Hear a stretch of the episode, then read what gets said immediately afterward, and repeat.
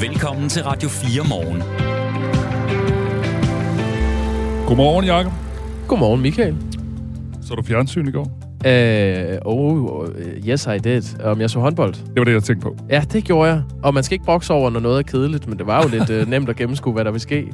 Ja, det var sådan lidt... Man, man overvejede lidt ved halvleg, om man behøver at se anden halvleg, ikke? Eller ved pausen. Ja, jeg skulle også putte børn øh, i anden halvleg, men jeg gik ud fra, at det gik, som det gik, og det gjorde det jo også. Danmark øh, maltrakterede Ungarn. 40-23. Det er for vildt. Ej, det er for vildt i en kvartfinale, ikke? Ja, der er, det lugter lidt af guld. Det lugter lidt af guld, men først skal vi lige løbe hen over Spanien. Ja. På fredag i Polen. I Klokken Gdansk. 18. Ja. Og det taler vi faktisk om klokken cirka, cirka 20 minutter over syv, hvor vi sådan øh, ser frem mod den her kamp øh, mod Spanien. En anden øh, historie, vi øh, ser nærmere på i dag, det er historien om Ibi Pibi og øh, Asger Jorns maleri, Den foruroligende ælling. Det er sådan, at øh, det kommer til at koste næsten 2 millioner kroner at restaurere Asger Jorns øh, maleri, Den foruroligende ælling, efter at kunstneren, som går under navnet Ibi Pibi, sidste år begik herværk mod det her maleri. Ibi Pibi erkender selv øh, og tænker sig at tilstå, når sagen skal for retten. Så spørgsmålet er nu, om det er Ibi Pibi, eller om det er Museum Jorden selv, som skal betale regningen for det her. Vi øh, kommer til at tale med Ibi Pibi. Det bliver om et kvarters tid, og spørger, hvordan hun forholder sig til at have en større millionregning øh, hængende over hovedet. Danmark skal ikke levere mere militært isenkram til Ukraine, det mener den tidligere, folk, det tidligere folketingsmedlem Martin Henriksen, altså tidligere DF'er. Øh, spændende diskussion, og måske også sådan et standpunkt, vi ikke har hørt øh, ret tit. Altså det her med, at vi skal også lige tænke over, hvor meget isenkram vi sender ud af landet. Vi taler med Martin Henriksen, når klokken bliver cirka kvart over syv. Og så vores undersøgende redaktion Radio 4 undersøger i dag ud med en ny podcast. Den døde pige i lægehuset hedder den. Og her forsøger vores øh, kolleger at øh, få svar på, hvordan det kan ske, at en 8-årig pige dør hos sin praktiserende læge. Ifølge eksperter, så har det haft afgørende betydning, at den 8-årige pige, Ariam hedder hun, var barn af syriske flygtninge, som ikke er så gode til dansk. Det er en, øh, en tragisk historie om sprogbarrierens betydning for, at patienter kan få den rette hjælp i det danske sundhedsvæsen, og her med den værst øh, tænkelige udgang. Du får hele den historie her til morgen i Radio 4 morgen. Og her i studiet, der er Michael Robach og Jakob Grosen, og du, der lytter med, kan som sædvanligt blande dig på sms'en på 1424. Godmorgen. Du lytter til Radio 4 morgen. Er 12 klager i løbet af fem år nok til at lave et forbud? Det mener Midtrafik. I sidste uge der skabte det stor debat, da det kom frem, at Trafikselskabet i Midtjylland fremover vil forbyde busreklamer, der har seksuel karakter eller viser udpræget nøgenhed. Dengang lød det sådan her fra bestyrelsesformand i Midtrafik, Sten Bindum. Det er simpelthen, fordi vi har også fået klager i, øh, i Midtrafik. Han kunne dog ikke uddybe, hvilke eller hvor mange klager det handler om, og derfor så søgte vi her på Radio 4 Morgen agtindsigt i netop det, og det viser sig altså, at reklameforbuddet er baseret på 12 klager, som Midtrafik har modtaget mellem 2018 og 2022, altså på en fireårig periode. Det vil sige knap en øh, to og en halv øh, klage om året. Klagerne er kommet over reklamer, der havde seksuel karakter. Byrådsmedlem i Aarhus Kommune, Jakob Søgaard Clausen, godmorgen. Godmorgen. Du sidder i byrådet så, som løsgænger, men du er tidligere medlem af Dansk Folkeparti, som du også var spidskandidat for ved det seneste kommunalvalg. Du har igennem hele den her sag været meget kritisk over for det her forbud, som Midtrafik har lavet.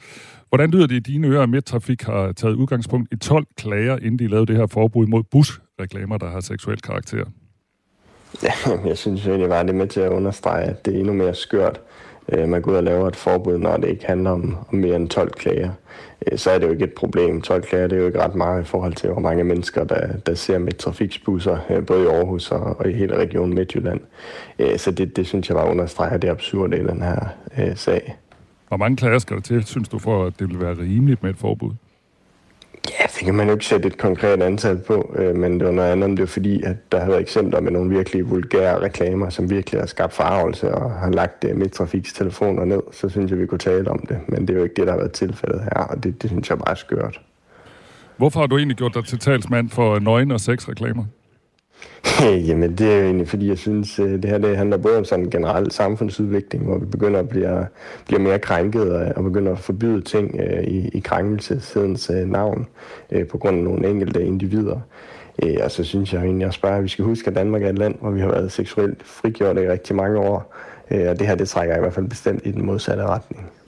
Lad os lige prøve at dykke lidt mere ned i de her klager. Der er som sagt kommet øh, 12 klager hen over øh, cirka 4-5 år øh, hos Midtrafik. Øh, og Midtrafik gør dog opmærksom på, øh, at øh, de her henvendelser om reklamer øh, journaliserer de ikke på i en speciel kategori, og det kan altså betyde, at der kan, der kan i princippet godt være flere henvendelser end de 12. De reklamer, der kommer flest klager over, er otte klager, der handler om reklamer for en stripklub i Aarhus. Og her viste reklamen en mand, der har sin hånd på en kvindes bagdel, hvor hun blot har en G-streng på. Og derudover så er tre klager kommet øh, over en af Midtrafiks egne reklamer, hvor to øh, kvinder sidder overskrevs på to mænd og kysser. Og lad os lige øh, tage et lille udpluk af de her klager, som Midtrafik har modtaget. Først en af de klager, der er kommet over Midtrafiks egen reklame. Den lyder sådan her. Bybusserne i Aarhus har for tiden nogle reklamer i vinduerne, der reklamerer for at bruge en app. På et af billederne ses en forknyt ung mand samt en kvinde og en mand, der kysser. Kvinden er iført en højrød stram kjole, og hun sidder overskrevs på mandens skød. Dette billede leder tankerne hen på en seksuel akt og udstiller i den grad kvinden. Flere har i bussen kommenteret det, og de kvinder, jeg har talt med, er rasende. Kan det af den vej lykkes at formå mit, mit trafik til at nedtage disse reklamer, reklamer med det kystende, erotisk fremstillede par, eller skal vi buspassagerer skride til civil ulydighed og fjerne dem selv? Det var så en af klagerne, og her kommer så en anden, og det er så over en stripklub reklame. Reklamen viser en mand iført jakkesæt, der græmser på en kvindes let påklædte bagdel, mens han har et sjovt smil på læberne. Man ser ikke kvindens ansigt eller resten af hendes krop, kun hendes bagdel iført g-streng og bare ryg. Denne ekstreme objektivisering og seksualisering af kvinder i reklamen, hvor de reduceres til blot et nydelsesobjekt for mænd, er utroligt nedgørende og degraderende. Jeg er svært ved at forklare pointen af dette til mine børn, som også kan konfronteres med dette kæmpe billede på daglig basis. Hvordan skal vi opdrage vores drenge til at respektere kvinder, når det antydes, at dette er, hvordan gentlemen opfører sig over for kvinder? Hvordan skal vi opdrage vores piger til at respektere sig selv og ikke føle sig underlegen og tro, at deres krop er en mands eje? Det, sådan lød det altså i en anden klage. Jakob Søgaard Clausen, mener du slet ikke, at klagerne er fat i noget her? Overhovedet ikke. Jeg er næsten lyst til at sige, hvor herre bevares. Altså, der er nogen, hvor der ikke skal så meget til. Øh, hvis det skulle være de ting, som der blev skrevet, der er der et problem, så er det jo ikke bare reklamer i midtrafik, som er udfordringen. Så skal vi jo forbyde stripklubber, og så skal vi forbyde, at folk kysser i det offentlige rum. Det kan selvfølgelig godt gå ned ad den vej, men så er det jo en helt anden samfundsdiskussion, vi skal have. Så er det jo ikke bare reklamerne på midtrafiks busser, som er problemet. Så altså, jeg synes ikke, at man skal lade enkelte, der, der er meget hysteriske, diktere, hvordan reklamerne skal være på busserne. Men lad os prøve at tage nogle af de pointer her fra klagerne. Er det sådan set ikke rimeligt nok, at for eksempel børn ikke skal smaske den her slags op i ansigtet, når de bevæger sig rundt sådan ude på gader og stræder? Nej, det synes jeg egentlig ikke er rimeligt. Jeg synes, det er meget sundt, at øh, man bliver forholdt til, at øh, det er også en del af vores samfund. Uh, og det kan jo være en fin anledning til at tage en snak med sine børn om, hvad en stripklub er, når det giver mening i, i det forhold. Uh, og ellers så vil du jo også kunne se det andre steder. Du kan også bare tænde for fjernsynet og se en film. Uh, gå ind på internettet på forskellige steder, så kommer der jo alt muligt op. Så du kan jo ikke undgå det. Du kan jo ikke pakke vores børn ind i vat. Uh, og det er jo ikke midtrafiksbusser, som lige skal tage den dagsorden. Men det kommer midtrafiks busser jo til, når det er dem, der ligesom har de her reklamer. Altså skal man ikke for, som forældre måske selv have den mulighed, øh, at man tænker, hvis man vil tale om den her slags ting, så kan barnet måske være så stort, som man kan tale om det. Altså på den her måde, så, så kan det jo være, at der er et barn på fem eller seks, der spørger sine forældre, hvad er en sexklub? Altså er det ikke måske en lille smule tidligere at skulle have den diskussion? Nej, det, det synes jeg ikke. Øh, så må man jo som forældre tage stilling til, at man synes, når man skal snakke om eller ej. Øh, så kan man jo godt finde på andre ting at sige, hvis det er for tidligt. Altså, det, det leder jo også over til, hvad synes du ser øh, mennesker, som klæder sig anderledes, eller ser sjov ud, eller to mænd, der står og kysser. Hvis du ikke bryder dig om det, hvad vil du så sige til dine børn? Altså, det, jeg synes, det er en glidebane i forhold til, hvad der må være i det offentlige rum, eller hvad der ikke må være i det offentlige rum. Men, men hvorfor? Det, det, jeg, vi sætter jo pris på, at du vil være med her, men, men det virker som om, du er meget, meget optaget af, at, at der skal nærmest øh, have lov, altså, eller det her trafikselskab har lov til at putte hvad som helst på busserne. Hvorfor er det så vigtigt for dig? Nej, jeg, synes, jeg synes egentlig, at det handler om, at det bare er fjollet. Altså, det er fjollet at lave et forbud mod nogle reklamer på baggrund af, af 12 klager øh, over fem år øh, altså, så, så er det jo ikke et problem, og så handler det om sådan noget med at være, være krænket på forhånd, øh, og man tænker, at der kan være nogle problemer her, og det kan være, at der kommer noget, som kan være et problem i fremtiden. Øh, det synes jeg er en, en mærkelig vej at gå som øh, trafikselskab, og det er jo politikere, der sidder der, øh, så derfor synes jeg også, det er relevant at tage en politisk diskussion om, øh, om det her det giver mening eller ej, øh, og det synes jeg bare ikke, det gør. Et andet kritikpunkt i de her klager, det er jo, at øh, reklamerne de er med til at seksuali- seksualisere kvinder. Er det ikke et meget reelt øh, kritikpunkt? Nej, det synes jeg egentlig ikke. Altså, det, er jo, det er jo den samme diskussion, og du kan også sige, at der, der kan også komme øh, reklamer, som vil, øh, vil have det modsatte fokus. Altså hvis det skulle være i forhold til en, en aften på en, øh, en stripklub, øh, hvor det var mandlige stripper. Øh, det, det kan være så mange ting. Så det synes jeg ikke, at, at det er den diskussion, der, der hører hjemme der. Og det er jo igen det samme. Det er en helt anden samfundsdiskussion, og det ser du også andre steder end lige nøjagtigt reklamerne på Midtrafiks busser. Så det synes jeg er en anden diskussion. Øh, vi har jo, Jakob Søgaard Clausen, vi er jo et program, hvor vi får sms'er fra vores lyttere. Øh, Remy skriver til os, eller Remy, han skriver, fuldstændig uenig med Jakob. Han ville forstå det, hvis han havde en datter.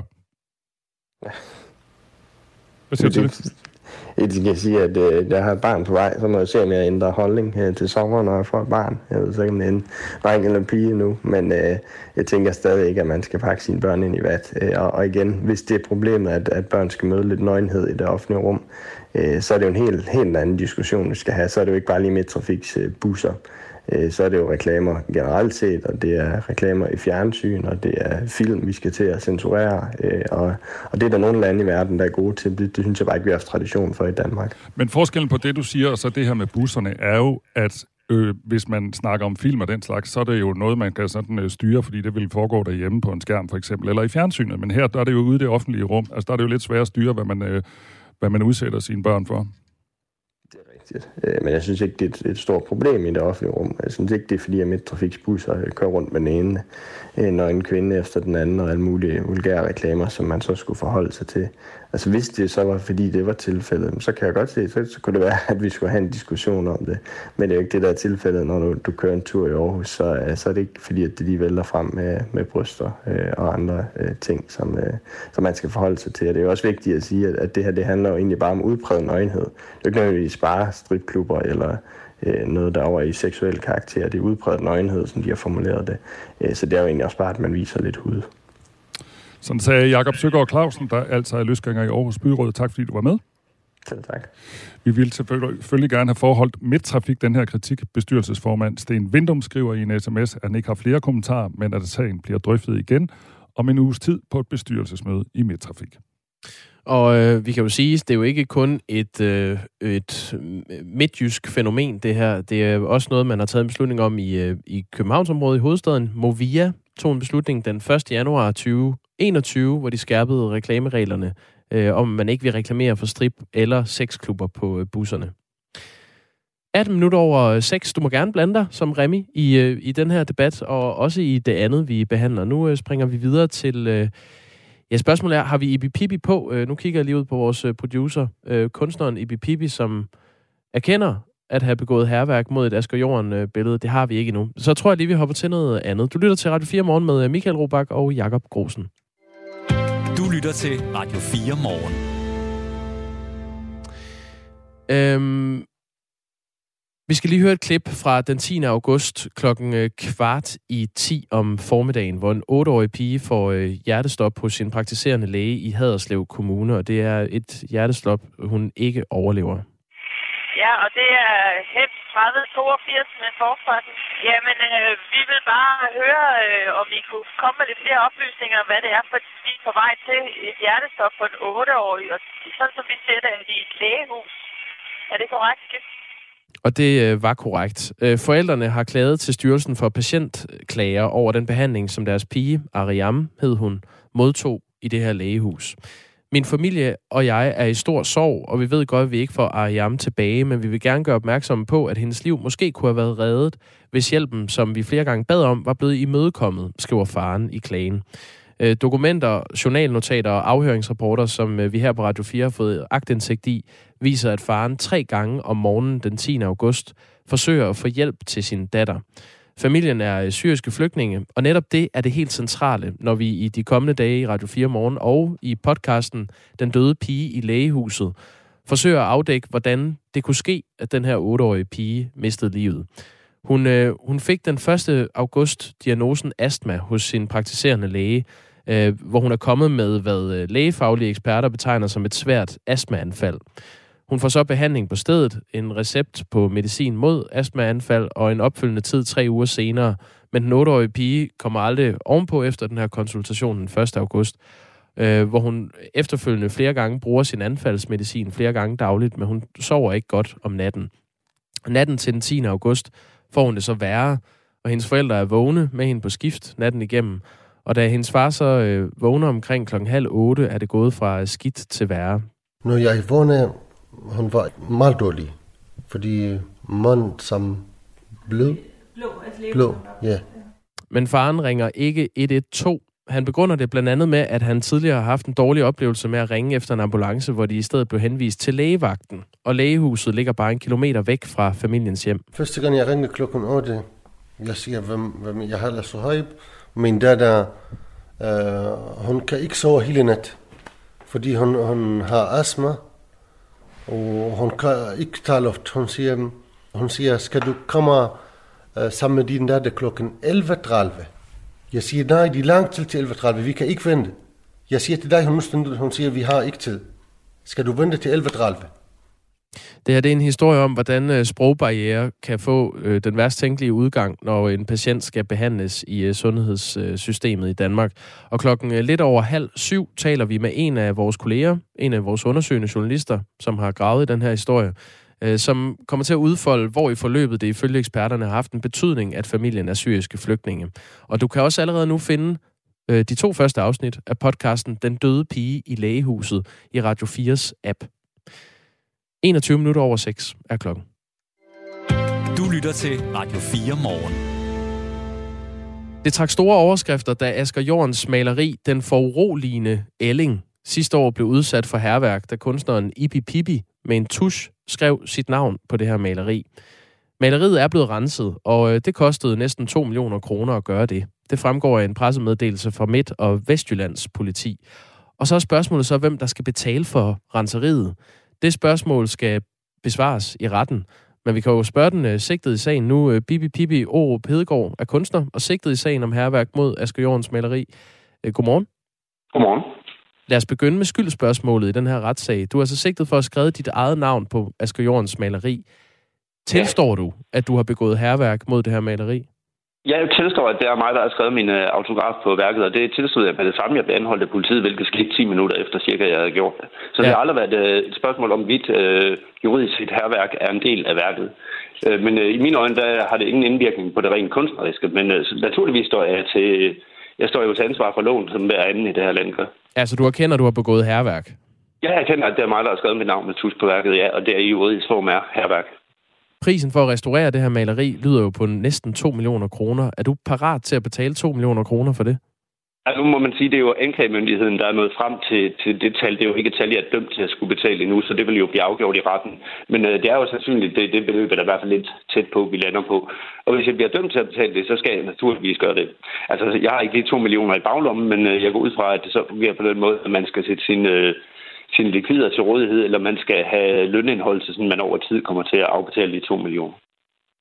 Havde du regnet med, at du skulle betale næsten 2 millioner, da du fandt din tus frem og, og tegnede på det her maleri? Nej, men jeg kunne godt regne ud, at det bliver meget, meget dyrt. Det var jeg ikke i tvivl om. Altså, man snakker jo tit om, øh, om kunstnerisk mod, og det er vigtigt at have kunstnerisk mod. Og jeg synes, det her, det er kunstnerisk mod, for det er også øh, som kunstner, så er det jo et tur at sætte sig selv og sit eget eksistensgrundlag på, på spil, og det synes jeg også er vigtigt, og det er også relevant at tage med i den her betragtning. Er det Altså, egentlig... det Altså, jo- jeg, jeg kan huske, at da du havde gjort det, så var diskussionen, er det kunst? Det var der, det var der Ja. mange mediediskussioner om, øh, hvorvidt det var. Øhm, er det det, at du har været modig, der er det kunstneriske i det her? Eller hvad, hvor er det, du ser kunsten? Jamen, jeg ser da kunsten i, at jeg gentager en handling, som Jorden også har gjort. Og øh, jeg påviser forskellen i, at det ene værk, det vælger man at tolke som værende fuldstændig genialt, selvom det er samlet op på et loppemarked, og der bare har malet en ælling på. Øh, og det andet, det antager man for at være helt forfærdelig, fordi jeg ikke er en anerkendt kunst. Og det er jo, det, det er jo også den galskab, jeg prøver at udstille med værket. Og på den måde synes jeg, værket er meget, meget stor kunst. Vil det Altså, være det- kunst, hvis, øh, hvis jeg tog en, en tus, og ja, det kommer jeg jo aldrig til at kunne, men tegnede på Mona Lisa under et besøg Jamen, på Louvre? Det kommer jo til, det kommer jo an på mange ting. Det kommer jo an på konteksten, det kommer jo an på, hvad du vil sige, og det kommer an på, hvordan du tegnede, og hvad der opstod. Så jeg kan, skal ikke kunne udelukke, at det, at det kunne være kunst. Sådan en lille overskæg på Mona Lisa, vil du kalde det kunst? Jamen igen, det kommer an på konteksten. Det vil i hvert fald, jeg vil synes, det var morsomt, men om, at, men om man kunne decideret sige, at det var kunst, det ville øh, afhænge af mange andre ting. For eksempel, hvad du ønskede at sige med det, og hvad du kommunikerede ud i verden. Asger Jorn har ikke selv malet det her maleri, den foruroligende ælling, eller han, det vil sige, at han har malet ovenpå, som du er inde på. Han købte det i 1950'erne, et maleri, øh, malede en stor ælling ovenpå det eksisterende maleri, og det kaldte han sig selv for en modifikation. På samme ja. måde har, har du så modificeret øh, det her, den foruroligende ælling-maleri, den 29. april sidste år, og det er den handling, som retssagen nu drejer sig om. Øh, prisen lyder, nu, nu siger jeg 2 millioner, men det, retligt er det 1.889.350 kroner. Og du ja. erkender så, at du har tegnet på maleriet, det som politiet betegner som herværk i juridisk forstand, men du fastholder, at, øh, at du havde ligesom meget ret til at skamfere det her billede, som Asger Jorn havde tilbage i 1950'erne.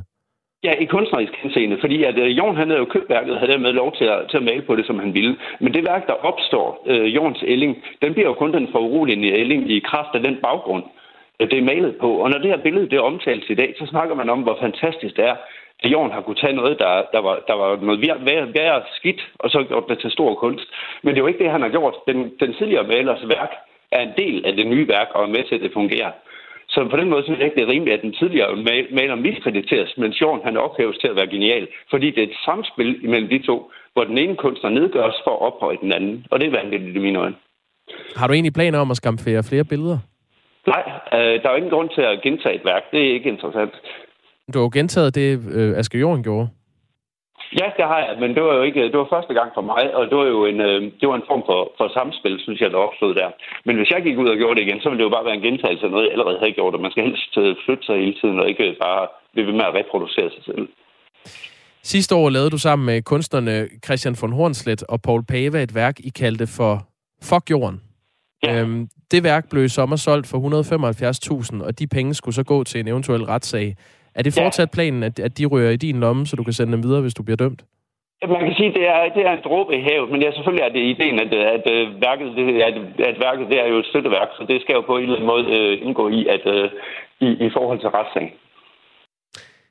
Hvordan vil du betale resten af gildet? Jamen, det bliver jo, som jeg sagde før, over tid. Jeg går ud fra, at man gør... Jeg ved ikke rigtig, hvordan det fungerer juridisk set, men jeg går ud fra, at man gør indhold i forhold til aktiver, og man øh, derpå laver en form for lønindhold. Så det vil være mit bud. Men det ved jeg faktisk ikke. Men over tid vil jeg jo komme til at, at betale de 2 millioner ind. Vi har fået en sms fra øh, vores lytter, der underskriver sig Jesper, der skriver, problemet ja. er vel, at kunstneren ikke selv har købt værket. Hvis du havde gjort det, så havde der ikke været noget forkert i det. Nej, men det er jo øh, ud fra et juridisk øh, perspektiv, altså øh, den, det rent kriminelle i det, men det, jeg anskuer det som, det er jo det rent kunstneriske. Jorden havde alle mulige ret til at male på det, øh, hvad det hedder, fordi han havde købt det, men han havde ikke kunstnerisk ret til at gøre det, og hæve sig selv på et andet menneskes øh, bekostning. Den ret har han ikke købt. Der er også en, der skriver, at det, det er kunstnerisk dumhed. Håber, de fjerner hans kunstnertilskud, ellers kommer vi jo til at betale for ham. Får du nogen tilskud, Nej, i BP? Nej, det gør jeg ikke. Øhm, selvfølgelig skal han have lov til at betale for de skader, han selv har lavet, skriver K for Skive. Er, er du uenig i det egentlig, at du skal Nej, betale? det, det er jeg ikke. Fordi som jeg siger, som kunstner, så er du ikke hævet over loven. Det er jo den diskussion, der tit opstår, om folk de står, de står øh, til ansvar for loven, hvis de har lavet et eller andet vanvittigt værk. Fordi så, så bruger de som undskyldning, det er kunst. Og det gør jeg ikke. Det er, det er herværk, selvom det er kunst. Og jeg står til ansvar for loven, som alle andre gør, og derfor skal jeg betale. Der er også en, der skriver, hvordan kan det koste 2 millioner at rense et maleri? Ved du noget om, altså, hvordan, det, øh, hvordan de landede på den øh, pris der, du skal betale? Nej, men jeg, jeg vil også sige, at øh, det lyder umiddelbart vanvittigt, det skulle, det skulle koste så meget. Men man kunne godt forestille sig, at der måske er indbygget en form for øh, værdiforringelse, eller hvad man kunne kalde det, øh, i, den, øh, i den anslåede erstatningspris. Det er i hvert fald mit bud. Hvad, hvad havde du regnet med, at det skulle koste? Jeg havde faktisk regnet med, at det, det, kunne ligge, øh, det kunne ligge højere, for jeg havde ikke nogen anelse om, hvad det samlede beløb ville ende med at ligge på. Er du lidt selvdestruktiv, øh, Ibi Pibi? Nej, det synes jeg bestemt ikke er. Men jeg synes, jeg, jeg synes man som kunstner, der skal man turde sætte noget på spil. Og, og, og ikke kun øh, altså ens øh, karriere, men at sætte hele sig selv og sin eksistens ind i et værk. Jeg synes ikke, det er selvdestruktivt, selvom det kan opdages på den måde. Jeg synes, det er kunstnerisk måde, at det er at turde stå bag ved det, man laver, og lave det, man laver 100 procent. Det må man sige, du har gjort. Øh, Ibi Pibi Oro Pedegaard, du skal have tak for lige at medvirke her. Det var lidt god morgen til jer. Ja tak, lige måde. Altså, den her Hej. sag, som, øh, som skal køre i retten ved øh, i Viborg, er, er endnu ikke øh, berammet. Men altså, det er det, som anklagemyndigheden går efter, at, at der skal punkes ud. Og når vi er tilbage efter nyhederne, så skal vi blandt andet tale med tidligere folketingsmedlem Martin Henriksen, som mener, at vi skal lige tænke os om, inden vi forærer alt vores militær isenkram til Ukraine. Nu klokken halv syv. Nu er der nyheder på Radio 4. En styrelse undersøger nu 8-årige syrisk piges hjertestop i et lægehus i august. Sidste år døde en 8-årig pige med syrisk baggrund i armene på sin far hos familiens praktiserende læge i Haderslev Kommune. Familien har klaget til Styrelsen for Patientklager over den behandling, som pigen Ariam modtog på lægehuset. Det fortæller Radio 4. Dokumenter, som Radio 4 har fået agtindsigt i, viser, at pigens far tre gange om morgenen den 10. august sidste år forsøgte at få hjælp til sin datter, der havde alvorlige vejrtrækningsproblemer. Men faren kunne først få en tid kl. 11.30, men hans datter fik et hjertestop inden. Dansk Selskab for Almen Medicins vejledning for akutte henvendelser om åndenød viser, at hvis et barns astma ikke bedres efter medicinering, så bør barnet som minimum tilse sig en læge inden for en time. Professor i tværkulturel medicin på Aarhus Universitet, Christian Weisse, vurderer, at lægehuset ikke har fulgt vejledningen. Farens bekymring i forhold til at stå med et akut kritisk dødssygt barn, den, den er ikke blevet taget alvorligt her. Da pigen endelig fik hjælp, fik hun hjertestop. Hun overlevede ikke. Vi ved godt, at vi ikke får Ariam tilbage, men vi vil gerne gøre opmærksom på, at hendes liv måske kunne have været reddet, hvis hjælpen, som vi flere gange bad om, var blevet imødekommet, skriver faren Sohaib al-Nasif i klagen til Styrelsen for Patientklager. Den tidligere amerikanske præsident Donald Trump får igen adgang til sine konti på henholdsvis Facebook og Instagram. Det oplyser moderselskabet bag de to sociale medier Meta i en udtalelse, skriver AFP. Trump har været udelukket fra platformene siden et dødeligt stormløb på den amerikanske kongresbygning i Washington den 6. januar 2021. Dermed har han været udelukket i to år. Sådan noget skal aldrig igen ske for en siddende præsident eller andre, som ikke har fortjent straffen, udtaler Donald Trump efter meldingen fra Meta i et opslag på sit eget sociale medie Truth Social. Den tidligere regeringsplan om at løse pladsmanglen i danske fængsler ved at sende øh, danske udvisningsdømte kriminelle til et fængsel i Kosovo er sat på pause. Det skriver Altinget Mathias, Mathias Bunde fortæller. Fængselsaftalen mellem Danmark og Kosovo vil ikke blive behandlet i Kosovos parlament, før landet har fået håndslag om 45 millioner kroner i bistand af Danmark. Først når det er sket, kan Danmark begynde at renovere fængslet i Kosovo, så det kan blive klar til at modtage de kriminelle, som de to lande indgik aftale om tilbage i december 2021. Det fremgår af et svar, som Altinget har fået fra Kosovos justitsministerium. Den tidligere udviklingsminister Flemming Møller Mortensen har ellers tidligere holdt fast i, at fængselsaftalen og bistandsaftalen var to fuldstændig selvstændige forhandlingsspor. Men ifølge seniorforsker ved Dansk Institut for Internationale Studier, Lars Engberg Pedersen, så er der en klar kobling mellem de to aftaler.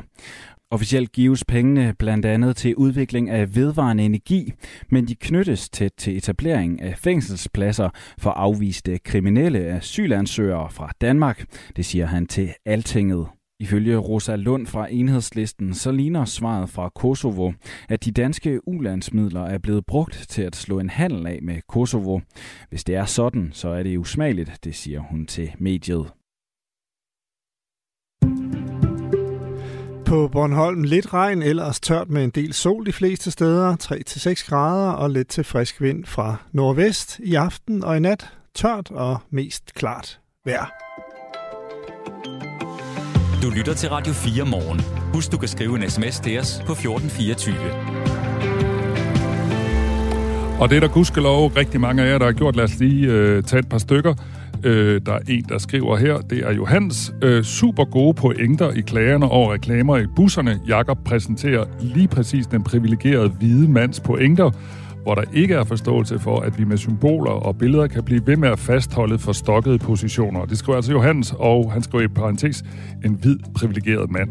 Og det er selvfølgelig en kommentar til den historie, vi lavede tidligere på morgenen, øh, hvor midttrafik har forbudt seksualiseret og som nøgenreklamer på deres busser, og hvor vi havde øh, øh, Jakob øh, Søgaard Clausen med, der er løsgænger i Aarhus Byråd. Ja, og øh, det er altså efter, at det er kommet frem. Vi har søgt agtindsigt i, hvor mange klager ligger til grund for, at Midtrafik har taget den beslutning. Og det er øh, 12 klager i løbet af fem år. Jesper skriver, skal man øh, også forbyde folk at kysse og græmse på stranden om sommeren, fordi der er folk meget let på klæde. Hvad siger folk til deres børn der? Øh, og bedstemor skriver, selvfølgelig skal der ikke være den slags reklamer på offentlig transport. Der skal det være muligt for alle, også de generede eller eventuelt misbrugte med mere, at gå ind og benytte øh, den offentlige transport i dagligdagen uden den slags seksualiserede billeder. Men synes det på offentlig transport med mere er dybt forkert. Der skal være et frirum. Øh, indringeren mangler almen øh, forståelse og indsigt. Hilsen bedstemor. Indringeren? Indringeren, det er retligt øh, os, der har ringet til Jakob Søgaard Clausen. det skal vi lige sige. Hvis du vil blande dig i den her diskussion, eller i nogle af de øh, andre historier, vi har her til morgen, så er nummeret som sædvanligt 1424. Ja, øh, godmorgen til dig, der lytter med. Det er 1424, du byder ind på. Du lytter til Radio 4 morgen. Ja, og det er HEP 3082 med forfarten. Jamen, øh, vi vil bare høre, øh, om vi kunne komme med lidt flere oplysninger, hvad det er, for vi er på vej til et hjertestop på en 8-årig, og sådan som vi ser det i et lægehus. Er det korrekt, Skip? Det her, det er optagelser fra en lægehelikopter, og de hørte rigtigt. Den 10. august kl. 9.47 sidste år fik en 8-årig pige hjertestop hos sin, hos sin praktiserende læge i Haderslev Kommune, og hun overlevede ikke. Men flere ting i forløbet peger i retning af, at dødsfaldet kunne være undgået. Det vurderer eksperter over for Radio 4 efter at have gennemgået forløbet, hvor pigen Ariam i løbet af bare ni dage gik fra at få konstateret astma til at få et hjertestop udløst af, en meget, af et meget svært astmaanfald. Ifølge eksperterne så har det haft afgørende betydning, at Ariam var barn af syriske flygtninge, som talte et sparsomt dansk. Kommunikationen, den er helt afgørende, og den er jo i den grad gået galt. Jeg vil sige, at vi har her med et fatalt tilfælde, der skyldes primært dårlig kommunikation på grund af sprogbarriere.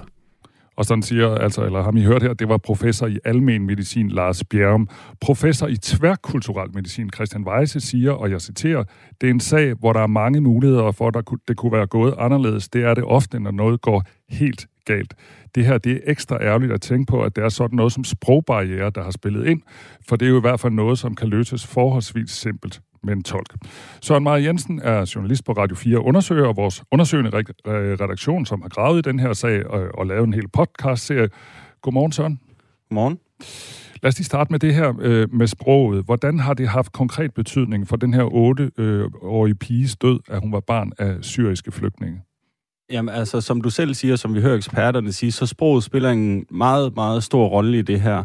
Fordi når læge og patient, eller i det her tilfælde patientens forældre ikke forstår hinanden, så kan der opstå farlige situationer. Og i den her sag, som, som vi har øh, forsøgt øh, på bedst mulig vis at afdække, der bliver der ikke brugt tolk øh, på noget tidspunkt i tiden op til det her hjertestop. Øh, men der er også flere ting i det, ifølge eksper- øh, en af eksperterne peger på, at hvis du mangler sproget, hvis du er etnisk minoritet, så kan der også være fordomme over for dig, når du kommer i sundhedsvæsenet. Der kan være en fordom om, at øh, du overdriver. Øh, der er også familiens kendskab til systemet. Hvor går man hen med akutte situationer og så videre. Og det her kommer i spil flere gange i, i løbet af de her ni dage, og det er faktisk allerede første gang, at hun kommer til lægen. Første gang den 8-årige pige var hos sin øh, praktiserende læge i Haderslev Kommune, der kom hun med et, øh, ifølge eksperterne, meget svært astmaanfald. Det var 1. august sidste år. Og ni dage øh, øh, øh, senere, der får hun hjertestop selv samme sted.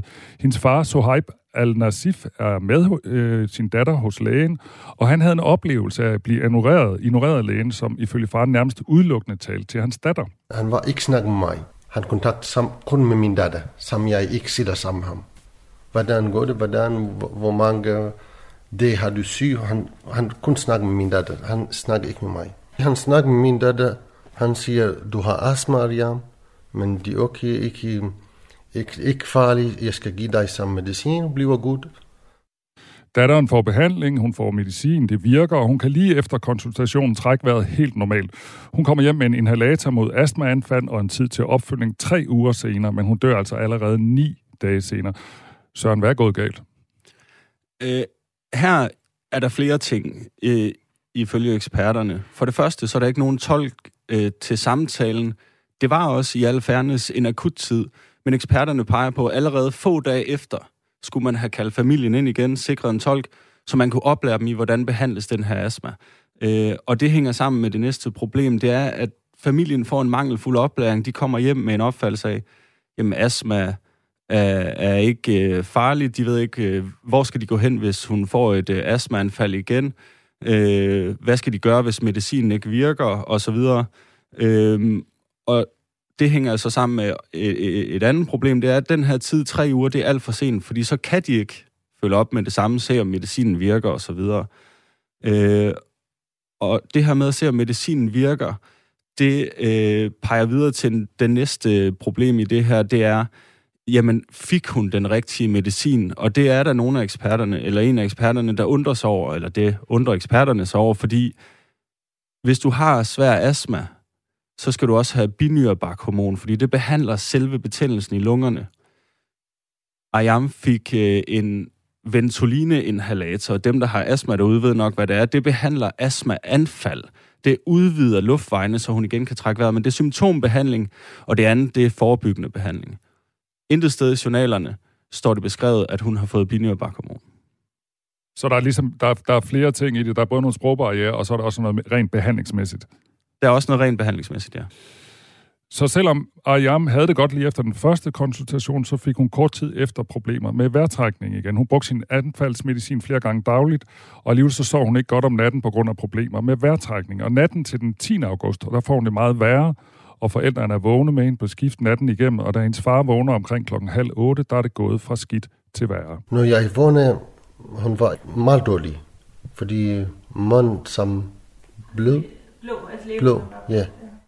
Ja, det hendes far siger her, det er, at læberne er blå.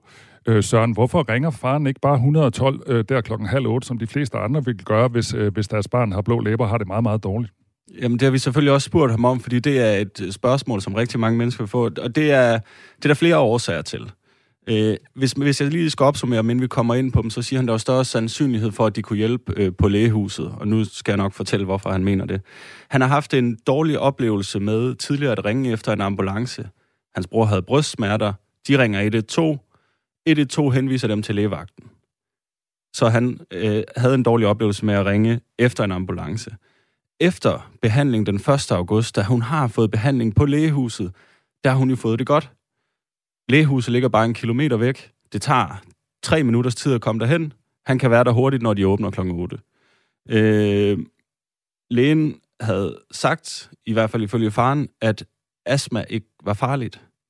Og Ayam havde jo sin inhalator, altså anfaldsmedicinen. Så han vurderede altså, at det var bedre at vente de her omkring en halv time til lægehuset åbnede. Det er nemlig rigtigt, fordi han venter til præcis klokken 8, øh, hvor lægehuset åbner, og så, og så ringer han øh, til lægen. Første gang jeg ringede klokken 8, jeg siger, hvem, hvem jeg hedder Suhaib. Min datter, øh, hun kan ikke sove hele nat, fordi hun, hun har astma, og hun kan ikke tage luft. Hun siger, hun siger skal du komme øh, sammen med din datter klokken 11.30? Jeg siger, nej, de er lang tid til 11.30, vi kan ikke vente. Jeg siger til dig, hun, hun siger, vi har ikke tid. Skal du vente til 11.30? Og det er rigtigt, at Ayam først får en tid kl. 11.30. Øh, Sekretæren skriver i lægehusets interne tidsbestilling beskrivelsen luft for konsultation. Men lægehusets personale har ifølge lægen afhøring til politiet forstået på opkaldet, at Ayam havde haft værtrækningsbesvær natten over. Hvad er problemet med, at hun først får en tid kl. 11.30? Dansk Selskab for Almen Medicin har en vejledning for, øh, hvad skal sekretæren gøre, når der er nogen, der ringer ind med akutte problemer. Den hedder telefonvisitationen.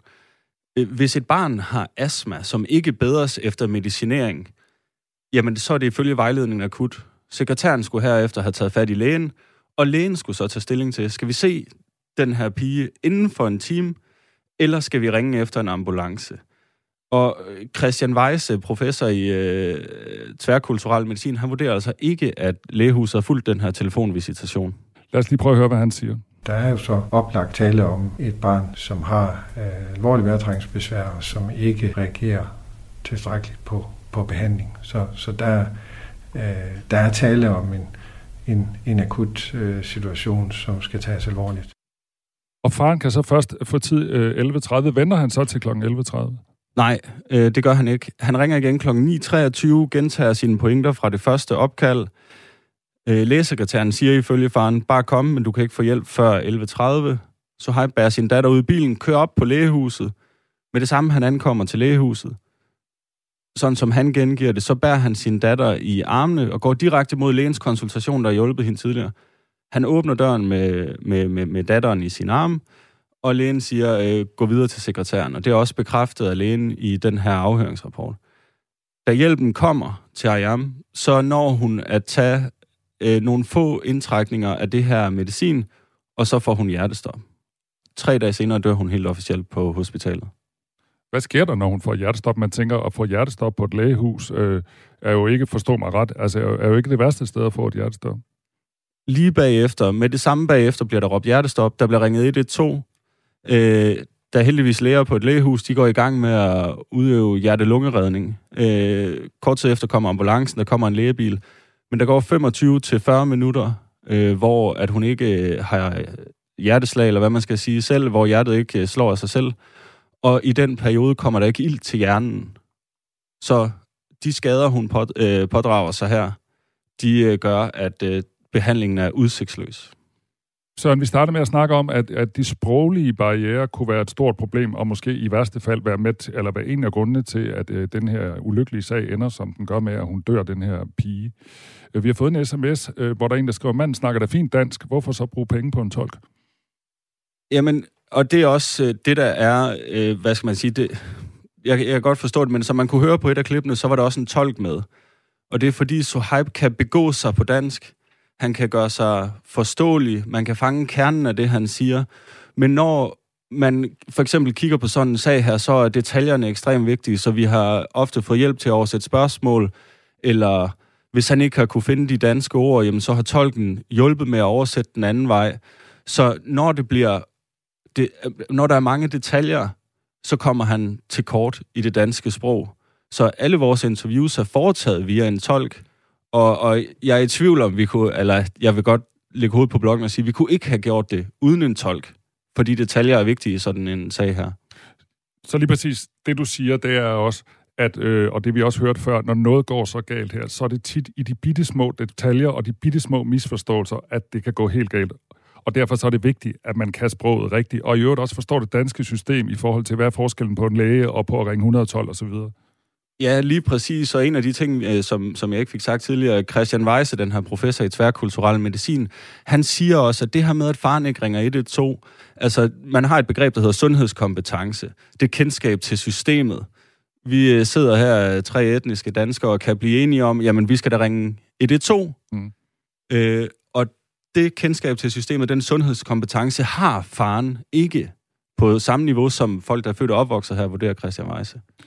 Der er kommet en sms fra øh, Adam på 1424, der skriver, Jeg er også fra Syrien og har oplevet noget af det samme. Problemet var hos os, at vi ikke blev taget seriøst. Mit barn på to år havde 40 i feber, øh, øh, og vi fik øh, svar, at det ikke var farligt. Til sidst ringede jeg 112 og fik hjælp. Jeg har masser af dårlige oplevelser på grund af baggrund og sprog. Er det, er det en, er, ved du, Søren, altså, når I har lavet den her historie, har I også kigget sådan på det lidt bredere billede? Ved, ved du, om det er et, altså et bredere problem, det her med, med, med folk, der ikke øh, er så gode til dansk, eller ikke er vokset op i Danmark, når de møder sundhedssystemet?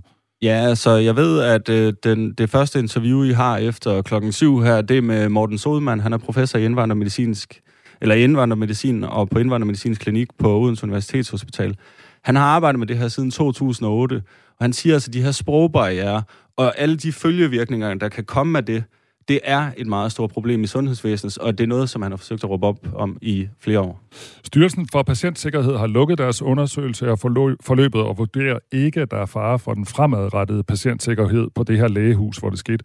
Syd- og Sønderjyllands politi har også lukket deres efterforskning af sagen, og Radio 4, skal jeg sige, nævner ikke navnet på lægehuset, da forældrenes klage stadig behandles af Styrelsen for Patientklager. Søren, hvad siger lægehuset til den kritik, som de møder af, af det her dødsfald? Altså, det ved vi ikke, for de vil ikke stille op til interview, men fordi de har klaget til Styrelsen for Patientklager, så kan vi se, hvad de har svaret der.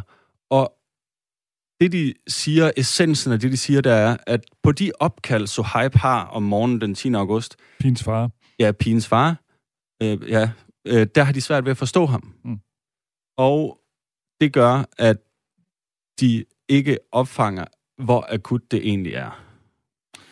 Tak skal du have, Søren. Maja Jensen, journalist her på Radio 4 og i vores undersøgende gruppe. Og du kan høre, dig der lytter med her, de to første afsnit af Den døde pige i lægehuset, som podcastserien hedder på Radio 4's app, eller hvor du ellers finder din podcast. Klokken øh, 7 minutter over syv øh, taler vi med professor i indvandrermedicin, Morten Sodemann, og han har altså siden 2008 arbejdet med de barriere, som patienter med flygtninge og indvandrerbaggrund møder i sundhedsvæsenet.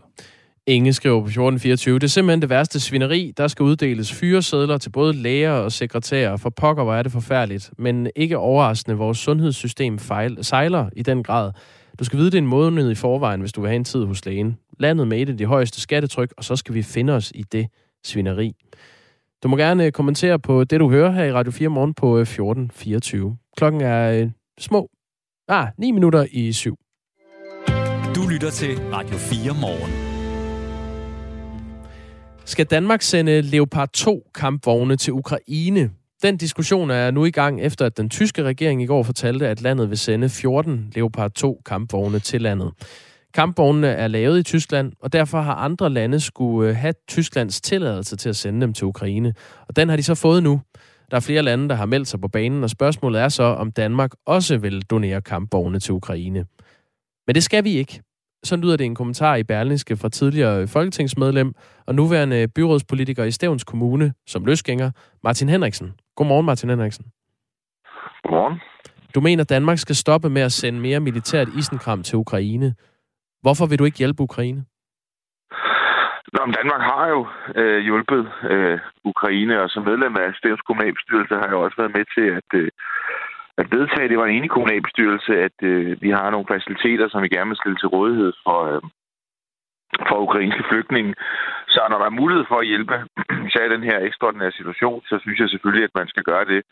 Men man skal også se, hvad er prisen for at hjælpe. Og hvis prisen er, at vi udsulter øh, vores forsvar, så vi i forvejen havde det meget svært, så vi i forvejen var i en situation, hvor at man ikke var i stand til at leve op til de forpligtelser, som man skal leve op til som, øh, som forsvar, så kan vi jo ikke blive ved med at sende vores materiale militær isenkram afsted til en fremmed magt, uanset hvor meget sympati folk så har for, øh, for deres kamp. Fordi i sidste ende, så er et danske forsvars vigtigste opgave, det er jo at passe på Danmark. Og det kræver jo, at vi har udstyret til at kunne, kunne gøre det, og vores soldater har udstyret til at kunne gøre det. Og derfor så må der også være en, øh, en grænse. Danmark har 44 af de her Leopard 2A7 øh, kampvogne. To af dem er demobiler, og øh, 14 af dem er øh, kampklar og sendt afsted til Estland, hvor de efter sine kører godt. Så Vi har cirka 30 kampvogne til, øh, tilbage. Regeringen besluttede i sidste uge at donere alle øh, 19 af de øh, danske såkaldte Cæsar-artillerisystemer til Ukraine. Det er jo øh, militært isenkram, som det danske forsvar bruger, og som er med til at opbygge herrens første brigade. Mm. Øhm, hvis vi nu vender os mod dem, var det en fejl at sende øh, det øh, Cæsar øh, Haubitzer-system til Ukraine? Ja, altså vi sender jo noget afsted, som vi øh, dog nok har, øh, har modtaget nu, og som vi skal gå til at øh, opbygge vores egne militære kapaciteter, hvis der, der kommer en troværdig trussel imod, øh, imod Danmark. Så øh, altså, hvis det alene var mig, der bestemte, det ved jeg godt, at det, sådan er det ikke. Men øh, så har jeg nok sagt, at, øh, at dem øh, har vi bestilt til det danske forsvar med et formål, og det formål skal de selvfølgelig have lov til at, øh, at tjene. Men nu er de sendt sted, eller er på vej, øh, og sådan er det. Og så er diskussionen jo om, hvorvidt man skal blive ved med at sende militær isenkram afsted. Nu handler diskussionen så om de danske kampvogne. Jeg kan forstå, at, at øh, man fra Ukrains side, og jeg kan sagtens forstå, at ukrainerne, de prøver jo at få det ud af det, som de kan få. De forsvarer jo øh, deres områder, og det, det kan jeg godt forstå, at, øh, de, at de gør. Men vi skal også tænke på, øh, på vores øh, militærs øh, evne, og hvis det er, man også nu begynder at diskutere, om jægerfly skal sendes til sted, som jeg kan forstå, at det er noget af det, man lægger op til, så synes jeg ikke, at der er noget galt i, at man fra den side siger, at med al den øh, støtte, man har ydet, at så skal man også øh, kigge på, hvordan man kan opretholde et troværdigt øh, nationalt beredskab og et troværdigt evne til at forsvare ens eget øh, territorium, som jo er Danmark, men jo også er Grønland og Færøerne, hele rigsfællesskabet, og man kan jo også kigge på, at russerne for eksempel også rører på sig i Arktis. Det er også noget, kineserne øh, kan gøre. Det er jo også et område, som Danmark skal være opmærksom på. Og når der kommer russiske fly, så skal vi kunne afvise dem. Og hvad der foregår der havoverfladen i forhold til ubåde, ja, de ved vi jo ikke så meget om, fordi vi har jo afskaffet vores egne ubåde. Så i stedet for at diskutere, hvordan vi kan blive med at give væk af vores militære isenkram, så er det nok meget klogt at diskutere, hvordan vi kan begynde at få noget mere militær isenkram her i Danmark. Men det, det tager udgangspunkt i, at der er en akut øh, krig i et europæisk land, og den her beslutning, nu, nu talte vi om, øh, om det seneste, vi har sendt afsted, altså det her Cæsar-artillerisystem, den beslutning blev taget med opbakning fra Forsvarskommandoen. Hvor, hvorfor ikke sætte sin lid til Forsvarskommandoen i forhold til, hvor meget vi øh, som øh, nation kan undvære?